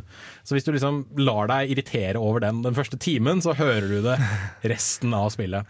Eh, men det han eh, trakk inn som et veldig bra spill med liksom, fotlyddesign, var Limbo, faktisk. For alt liksom foregår i veldig sånn lavt ned-tone, sånn, sånn mm. hviskete lydaktig. Men du hører liksom, litt sånn gåing Ja. når figuren din går. Uh, så vi kan legge en link i episodebeskrivelsen, for det var veldig Han, han har liksom lang 20 minutters lange videoer hvor han analyserer lyden i sånne ting. Uh, han snakka altså om lyden i, i Space Invaders, for det er Ja. den derre Ja, den er ikke i takt, ja, ikke sant? Av Mm. eh, romvesenene som beveger seg. Og etter hvert som de går fortere, så går lyden fortere. Mm. Men lyden går sånn et halvt sekund fortere enn det eh, romvesenet gjør, og da blir du enda mer stressa. Mm. snakker om digresjoner. Ja, Mester Jeg på dem, så vær så god. Hvor, hvor mye tror dere har å si for disse lydeffektene, hvordan vi lager lydeffekter for oss sjøl ellers? Fordi i de spillene som er i dag, så er lydene såpass intrikate og såpass øh, brede og kompliserte at det er ikke så lett å etterligne dem. Altså Det blir kjempevanskelig. Mm. Men når det var åttebitslyder, og sånn, så var det ikke så vanskelig. Da var det på en måte mye mye lettere. Mm. Så jeg tenker at det er noen lyder vi har prøvd å etterligne, som er blitt del av den måten vi beskriver eksplosjoner på. beskriver på en måte Da skjønner alle at det er en Mm. eksplosjon Ja. som du mimer, Mm. selv om det ikke nødvendigvis Det høres overhodet ikke ut som en eksplosjon, sånn egentlig, men Nei, nei. du har gjort den komlinga i hodet. Ja. Og du kan også gjøre det andre, dra det enda lenger. At det er noen spill man er så vant til å etterligne at noen skjønner hvilket spill det jeg er handler om. lyder, ja. Mm. ja men det Bare du snakker om det, selv om det ikke i det hele tatt ligner på den originale lyden. Mm. Så det er litt sånne underlige slutninger man drar. Ja, ja, og det, jeg tror nok, bortsett fra det visuelle, så er lydene det første du kommer til å, å, å legge merke til hvordan spill det er snakk om, på en måte. Mm. Man kan snakke om bevegelser på, nei, på håndkontrolleren eller tastaturet òg, men da er svært Da er det liksom slåssespill, for eksempel, for der har du veldig spesifikke utøvelser på kontrolleren. Og hvis jeg gjør en hadouken på Mm. kontrolleren, så er dem som har spilt uh, Street Fighter, skjønner det. Det finnes til og med T-skjorter med akkurat den bevegelsen. Ja. Og det er liksom sånn, men, men bortsett fra det visuelle, så er det nok uh, alltid vil det være lydene som setter seg liksom som det der Mm. Her er minnet mitt fra det spillet. Uh, og da kanskje mer de der lydeffektene enn soundtrackene. Mm. At, uh, Jeg tror, jeg tror det er litt med lydeffektene som det faktisk er med musikken. At før, fordi de hadde disse begrensningene, måtte de lage noe som var enkelt og catchy, minneverdig, og som kanskje festa seg litt. Grann. Men nå som de har mer teknologi å gå på. De kan liksom sample lyden direkte fra der lyden skjer. Så er det da mindre fokus på at det skal være liksom enkelt og, og, og catchy og sånt nå, og heller liksom nå skal vi prøve å gjenskape det så virkelig som overhodet mulig. Og da, da klarer ikke vi helt å gjenta det, men liksom Mm. disse enkle 8-bits-lydene, det klarer vi å, å å emulere.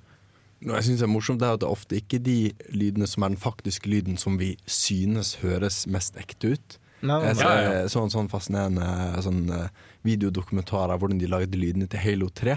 Ja. Og mange av skytelydene det var en machete og en stekepanne. Så de bare- Eh, og den, den uh, dørlyden sånn, sånn Når de dørene åpner seg, det var eh, eh, bagasjedøren på uh, Toyotaen til en uh, lydtekniker. ja, men det går herlig.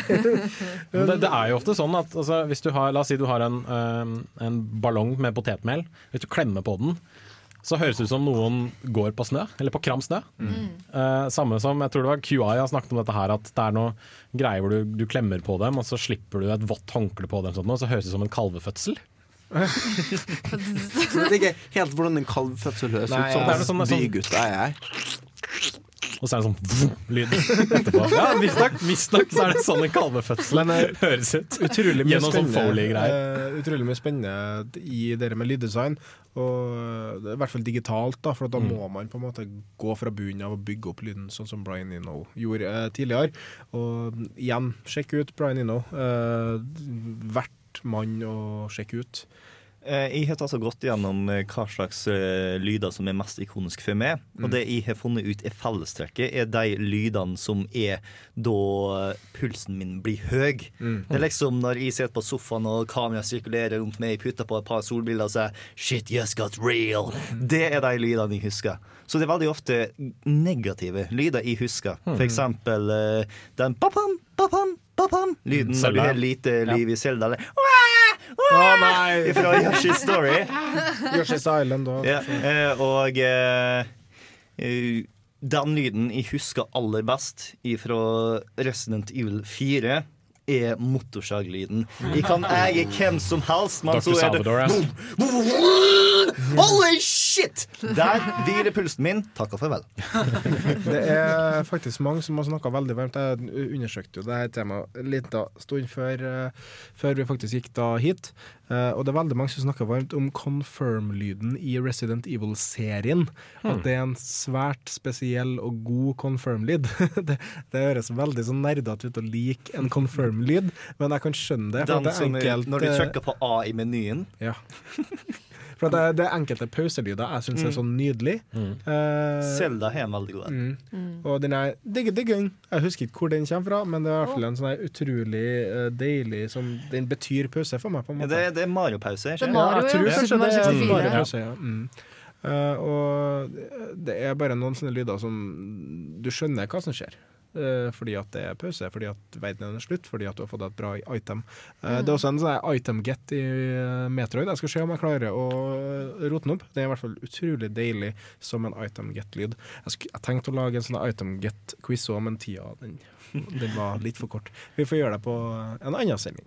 Jeg synes, igjen. Siden du nevnte Metroid, så har bare spratt inn i hodet mitt, men den uh, lastelyden i Metroid, den Ja, du, mm, ja den er helt uh, Den er kjempefin. Ja. Og det er veldig sci-fi. Ja. Den er fryktelig sci-fi uten at den Altså at det er bare en jingle, men den forteller deg på en måte at spillet er sci-fi uten at du, du trenger å vite noe om det. Og du skjønner det der av sikkert tillært kunnskap fra 80-talls sci-fi-filmer eller 90-tallet osv. Men i hvert fall eh, sjekk den ut. Vi skal se om vi klarer å finne en god del linker til deg på internetten eh, når vi legger ut denne episoden. Mm. Du skal få høre uh, noe som heter Miracle of Sound. Hvem er det som har tatt med seg dette for noe? Det er meg. Ja. Fordi vi snakka om lydeffekter. Og hvis det er noe i mitt liv som har hatt bra lydeffekt, så er det Transformers. Spesielt den derre Altså når de transformerer, ikke sant. Eh, Miracle of Sound er en fyr som lager musikk basert på film og dataspill og alt mulig sånt. Og han har laget en uh, basert på Transformers Cybertron-spillene. Og den heter så mye som Roll Out. Look! Hey, listen! Der hørte du da um, Miracle of Sound. Etter det så fikk du Navi. Og eh, det er mange som har et litt anstrengt eh, forhold til navnene, som liker lyden.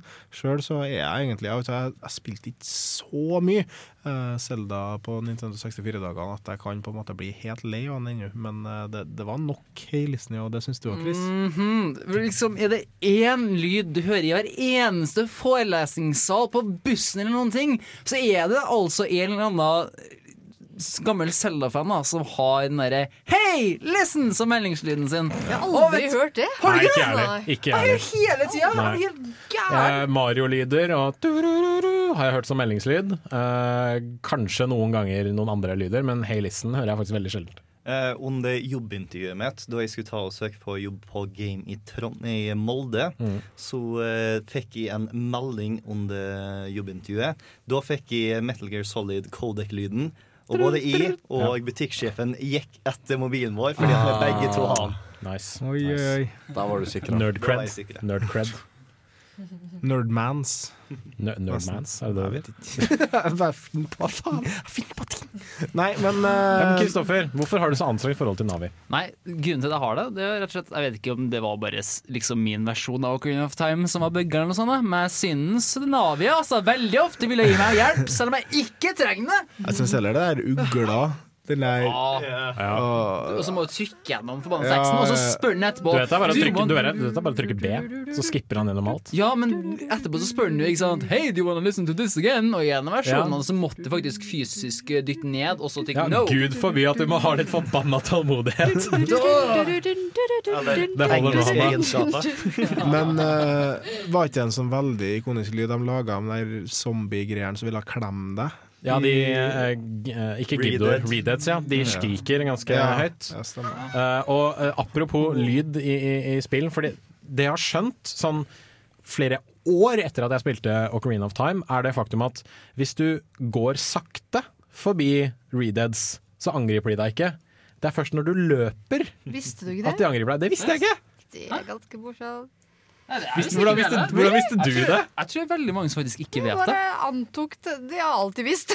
Ja, fordi det, det, det, altså, min, min erfaring er at de aller fleste, når de kommer ned til den, der, eh, eh, i den gravplassen i uh, Kakariko Village, og for, når de skal få tak i Sunsong for første gang, så skal du gå gjennom alle de der Ja, det labyrintene av Redeads. det var så kjedelig fordi jeg måtte gå så sakte. Nei, jeg, vi skjønte aldri det, vi. Vi bare løp rett over. Dette tenker liksom type Nintendo-logikk, for liksom i alle spillene så skal du holde ned A for å kjøre kjempefort eller bare løpe så fort som mulig. Så liksom det å snike meg forbi noen monstre i Zelda som høres skummel ut, var ikke så naturlig for meg. i hvert fall. Nei.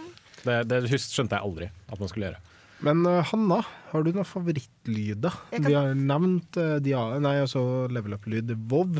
Ja. Uh, og vi har spilt den tidligere òg. veldig deilig. Det er jo en kjøttete lyd.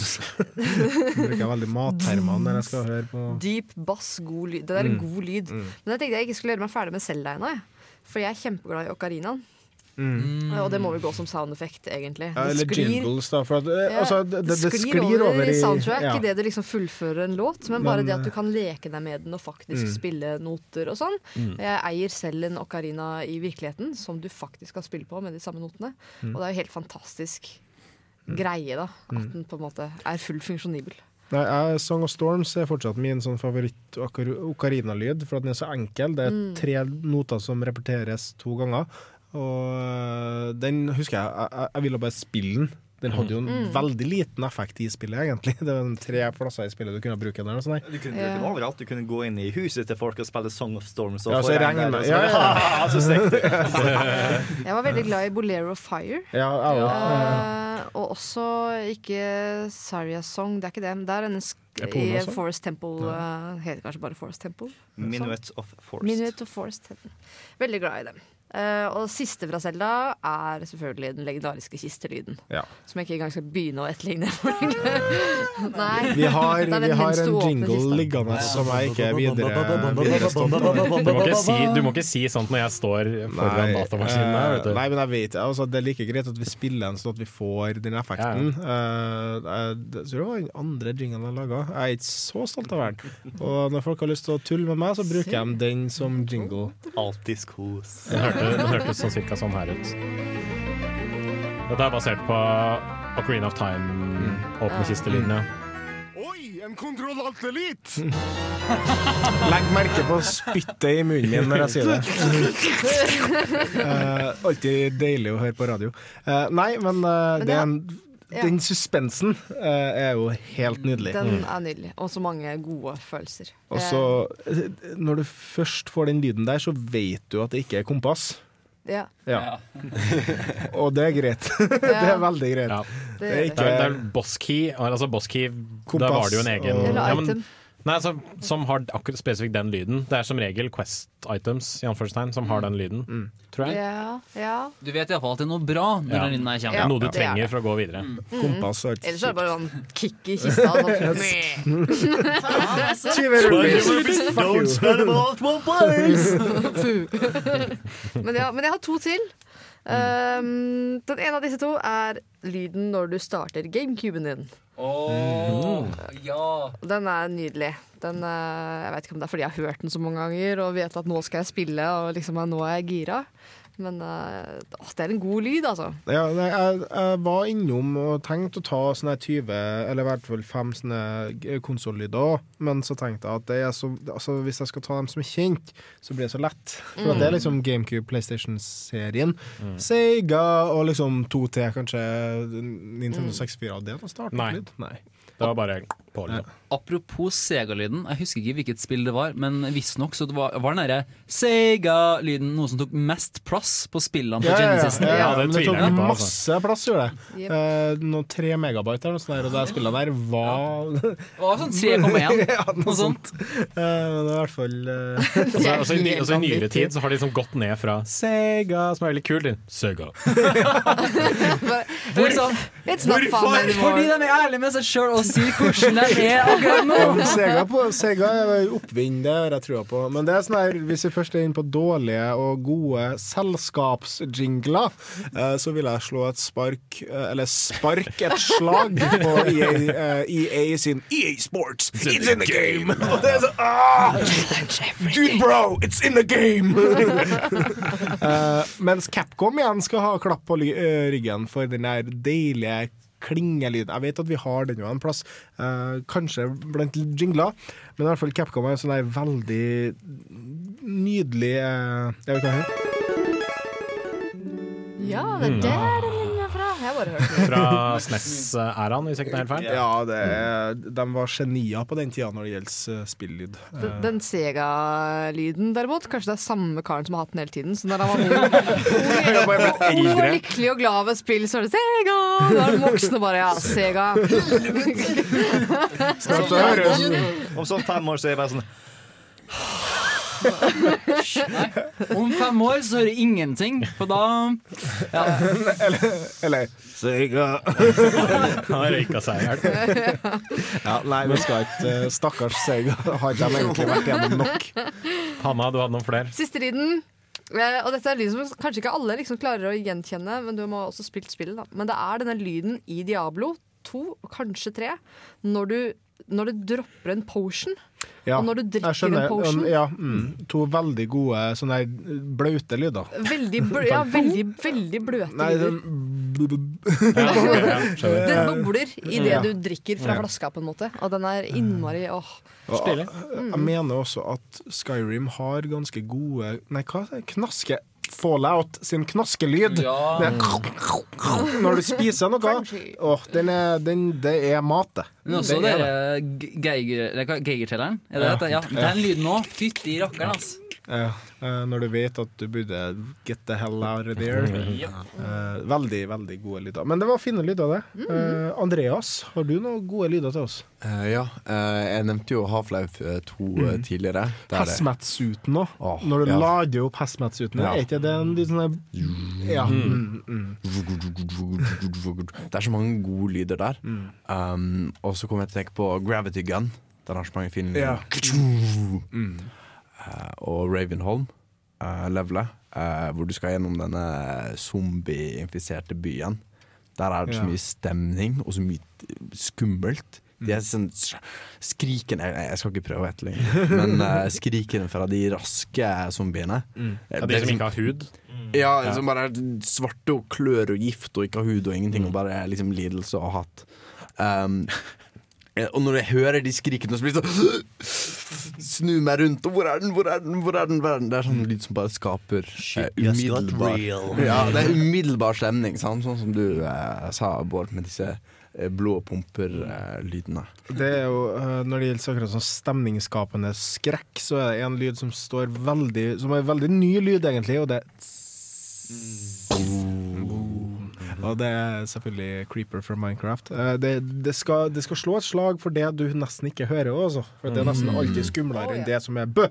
Ja. Jeg tror faktisk Når jeg nevner Minecraft, så er faktisk det et av spillene som eh, der lydeffekter er ganske nødvendig. For Ja. at musikk er jo der veldig. Ambient. Og- Veldig ambient, ja. Der òg. Mm. Men det, men det er et når du plasserer ut ting Ja, og ja. hakker ned ting. Veldig god oh, klang. Kan jeg én lyd til? Uh, Skulpturlas fra Selda. Disse Ja. edderkoppene som du Den Som der, gjemmer liksom? seg, som du skal samle disse Mm. Ja, ja, ja. Og så finner du dem faen meg aldri, Ja. og så hører du bare lyden i sånn Mm. åh, irriterende. Og så tenk på at du må finne den, for hvis ikke så blir han der brødrene i huset her fortsatt bærende som Han, Ja, han stakkaren i midten, han Ja. blir jo aldri menneskelig igjen. Blir han ikke det? Nei. Jo, jo. Gjør han det? Ja, alle sammen blir jo Det til slutt. Ja. Nå skal Jeg mener jeg husker at jeg samla alle. Jeg mener jeg husker at jeg samlet alle de greiene der, og så ble han ikke menneskelig igjen. Stakkars. Ja, det var for, for trist for et Nintendo-spill. I det parallelle universet så ble han ikke. Ja, det er. Dessverre. Ja, men det samme universet hvor uh, Sora Domain aldri blir tint. Ja, det er sant, det. Det fins jo det òg. Ja. Men uh, Andreas, var det liksom uh, hovedsakelig de scary lydene? Eller? Ja Du snakka jo om slåsselyder. Ja, det er altså. mye de, altså, mye de lydene som jeg forbinder med ja, sånn noe som kommer, Mm. eh, og de som eh, er litt med den kinestetikken. Mm. Eh, gi, overføre den kraften i bevegelse, Mm. som jeg liker veldig godt. Jeg husker sånn. på en måte Crowbaren fra Half-Life 1 syns jeg hadde en sånn litt for skarp lyd, på en måte. Men når du først traff noe eh, bløtt, så er det veldig deilig. Men når du slo mot veggen for at, av Jeg gjorde det. Eh, jeg slo mot veggen. Ja. Ja, den er altfor skarp, syns jeg. Men utover det så er det veldig deilig, den her eh, Crowbar-lyden. Eh, ja. Jeg følte meg som en mann her forleden. Jeg åpna et kumlokk Med- med en crowbar. Da, nice. da var jeg litt mannlig Litt. Bård, har vi vært gjennom dine lyder? Vi har gått gjennom en god del, men Mm. det er en det som på er på toppen eller på seg, som vi tar og deler med Kristoffer til. Og det er en lyd fra Phoenix Wright, Mm. nemlig Objection! Fordi det er, det er en sånn lyd som du er med på. Eh, Det fine med DS-versjonen er at du tar og holder inn en knapp, Mm. og når du sjøl sier objection, så skjer det ikke spennende Og eh, det, det er Det liksom som er så sånn morsomt, er at Bård har ikke på seg headset, så han hører ikke at jeg spiller han. Så det bygger veldig masse opp eh, med å finne de riktige svarene, og musikken er sånn skikkelig Det er på nesten det. musikken som gjør det der, synes jeg. Etter den så får bygger du opp den stemninga, og bare sånn Nå har du den mot reipa. Alt du trenger gjøre, er å si objection. Og bare, bam! Det som gjør den objection-lyden enda bedre, er når du spiller eh, Phoenix Wright Dual Destinies på 3DS, skrur opp 3D-effekten på fullt, fordi da ser det ut som du får den der objection Altså selve liksom snakkeboblen liksom flyr inn i trynet på deg, vekk fra skjermen. Det er kjempegøy. Altså, jeg synes også det er en veldig bra lyd, for at veldig ofte når du sier 'objection', så får du Så får du høre fra dommeren at uh, Eller så sier du 'Hey, this evidence contradicts the witness's testimony', og så sier dommeren Jeg "No, ser ingen no, Straff. Men likevel, Men vet, det- du, vet du hvordan du kan høre at du har det riktig? Nei. Når musikken stopper. Ja Hvis du Nei, presenterer nå ødelegger du hele spillserien til meg. Det må jeg glemme. Jeg har bare spilt ett da. Men. Ja. Men det er noe annet Kristoffer er glad i. Om, ja, men hva, hva var det på deg, Bård? Eller var det, hadde du flere? Nei, det var, det var Nei, er- den. jeg musikkatribuet allerede. Ok, En som Det her kommer nesten naturlig, siden jeg snakker om det nesten hver eneste sending. Det her er jo det er en lyd i Metal Gear Solid 1 Ja, all, ja den Fra alle spillene, altså. Liksom, det, det som er at jeg er den typen som faktisk eh, går gjennom alle Metal Gear Solid-spillene på nytt for å spille på European Extreme. Og det er sånn typen Blir du sett én gang, dead. Og så Når du da hører den lyden, altså, da tenker jeg bare Å, faen. Men selv når du spiller på normal mode, så suger du også, for da Da vet du at du har blitt Nå passer det! Sett. Ja, altså. Such smooth, many other tones. Men ja, det er absolutt en ikonisk lyd som jeg tror veldig mange kjenner til. Og det er bare åh, så herlig. Men jeg skal prøve ja, Nå må du snakke for meg, for jeg, jeg skulle skrive en liste, men så fant jeg ikke papir. Jeg fant ikke Hva med Jeg kan- Jens Erik. Ja, Altså Pac-Man, tenker du på? Pac-Man, ja. Det som er litt artig med Pac-Man, er at de skrur av soundtracket i det spillet begynner. Mm, det er Eh, sant. det er en sånn intro-vignett, og så er ja. ja. Og så er det Bare eh, stillhet og- Bare stillhet og waka waka og spøkelser. Fett. Eh, Det er litt snedig. Så han lager sitt eget soundtrack. på måte. Det er en lydeffekt som jeg vet ikke om den er Jo, det er noe som bekrefter etter, tror jeg. Eh, Det kom etter at Bioshock Infinite kom ut. Og det er den lydeffekten som Songbird lager når man dør. For det som er spesielt med den, er at i Bioshock 1, når du da er i den delen der det er en eller annen psycho som fryser ned alt og ja, gir deg masse jumpscares i et rom med masse is, så når du da klarer å drepe den, så, lag, så lager, kommer liksom den lydeffekten som kommer når Songbird dør. Altså Eh, nå angrer jeg på at jeg Skal vi se, vent litt. Eh, Der tar du feil, skjønner du. Fordi det, det som er greia i Bioshock 1, du kommer inn i en svær ballsal. Der har, møter du Sander Cohen, som, har, eh, som du har jakta på en god stund. Og så tvinger han et par til å stå og danse for å liksom, eh, gjøre et eller annet kunstverk. Og i bakgrunnen så hører du noe som høres ut som lyden av Songbird som dør. Så eh, Altså, rettelse der. Eh, det er min, min bedrevitenhet uh, klarer ikke Men det er uansett en veldig fun fact, syns jeg. på det. Ja. Men du har også noen lyder sjøl? Eh, ja, eh, jeg skal prøve å holde det litt eh, kort, for vi har holdt på en god stund. Eh, men eh, jeg må til Capcom igjen, og til uh, Ducktales-spillet på Mm. Gameboy og NES. Jeg tror jeg vet. Ja. Eh, og der var det en ting som man kunne gjøre eh, som gjorde livet generelt ganske enkelt, og det var å bruke uh, stokken til Skrue McDuck hoppe. som hoppestokk. Og den derre lyden den har jeg fortsatt veldig veldig gode minner til, og den, den syns jeg er veldig veldig, veldig stilig. Uh, men også um, Doom syns jeg har kjempebra lyddesign.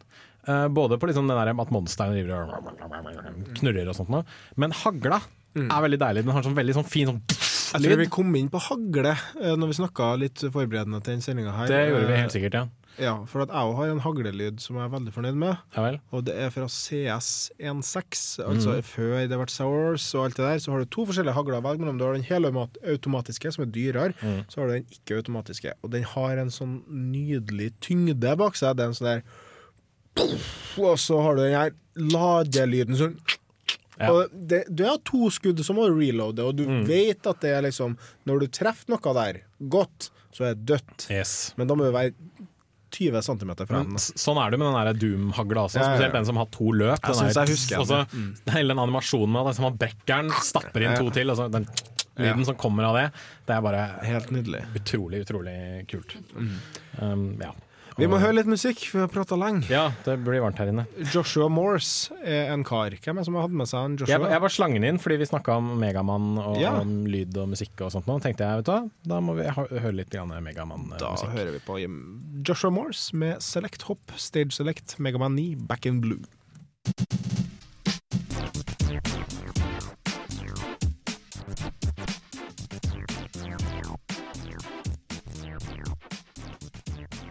Vi begynner å runde av Oi, her blir det Her faller ting ned. faktiske lyder i studio. Vi begynner å runde av eh, dagens podkast-time. Eh, og jeg håper at du har hatt det ganske trivelig og blitt litt inspirert kanskje av eh, de eh, lydene vi har snakka om. og Kanskje du begynner å bry deg litt mer om hvordan faktisk ting høres ut, du òg. ikke at du ikke gjør det fra før, det vet ikke jeg noe om, der du nå enn er. Men eh, jeg har i hvert fall kosa meg masse tilbake på Kontratellitt. Uh, og jeg vært hyggelig å ha deg her. Jo, takk. Eh, det er alltid hyggelig, eh, så lenge jeg har tid.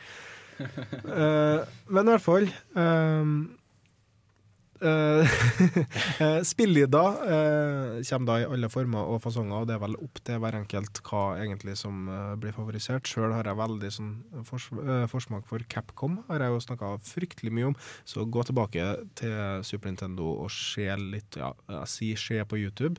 Men jeg mener noe helt annet. Eh, spill, og føl på en måte på lyden som de laga på den tida. Ellers så er det jo veldig mye som blir laga nytt som er bra. Jeg nevnte Diablo 3. Valve er veldig flink i, dagens verden. Mm. Det er sånn at du kan høre på en lydeffekt at det er Valve som har ordna Mm. Og jeg vil også slå et slag for et spill som ble nevnt i stad under låt, dessverre. Eh, Orcs Must Die har veldig sånn brutale, gutturale, deilige splæsjelyder og brennelyder. Brennelyder har ikke vi snakka noe mye om, men det er også en sånn veldig sånn der Ja, sånn deilig- lyden av liksom bål og fakler ja, ja. og sånt, Nei, ja. eller kjøtt som blir brent. okay. Sånn der, ja, men sånn sizzly, ikke sant? Han sier jo det. Ja, av fresing, ja. Mm. ja. Av orka, for eksempel. Og, Hvilket for øvrig er en av de beste anmeldelsene jeg syns har blitt laget i Kontroll Alt Godt fornøyd over den. Eh, Gå tilbake en haug med sendinga og hør på den. Veldig fin. Men i hvert fall, eh, vi skal runde av med et spill som da bruker lyd til god effekt, og det kalles Runner. Yes, uh, Det er faktisk noe som jeg synes er litt som vi ikke fikk snakke om i sendinga her, og det var noe du Jens Erik beskrev som Mickey Mousing. var Ja, ikke? det er et begrep fra animasjon. Uh, kort fortalt betyr det at uh, alle bevegelsene i en animasjonsfilm eh, matcher musikken i veldig stor grad. Eh, søk opp, altså bare søk opp Mickey Mousing på YouTube, så får du flust med eksempler. Og det brukes veldig bra i film.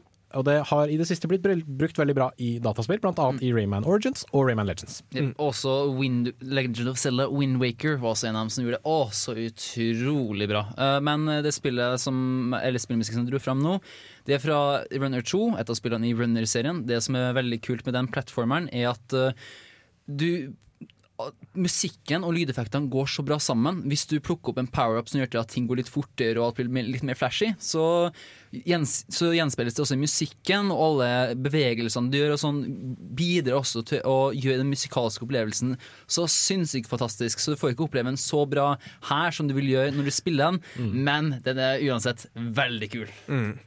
Da hører vi da altså på eh, Runner 2 sitt theme. Mitt navn har vært Erik Vibe, og med meg i studio har jeg hatt Jens Erik Våler. Bård Aste. Kristoffer. Andreas. Hanna Gulbrandsen. Og jeg håper at eh, du fortsatt hører på oss i Kontroll Alt Delete, og har en fortsatt fortreffelig dag. Ha det bra. Ha det bra.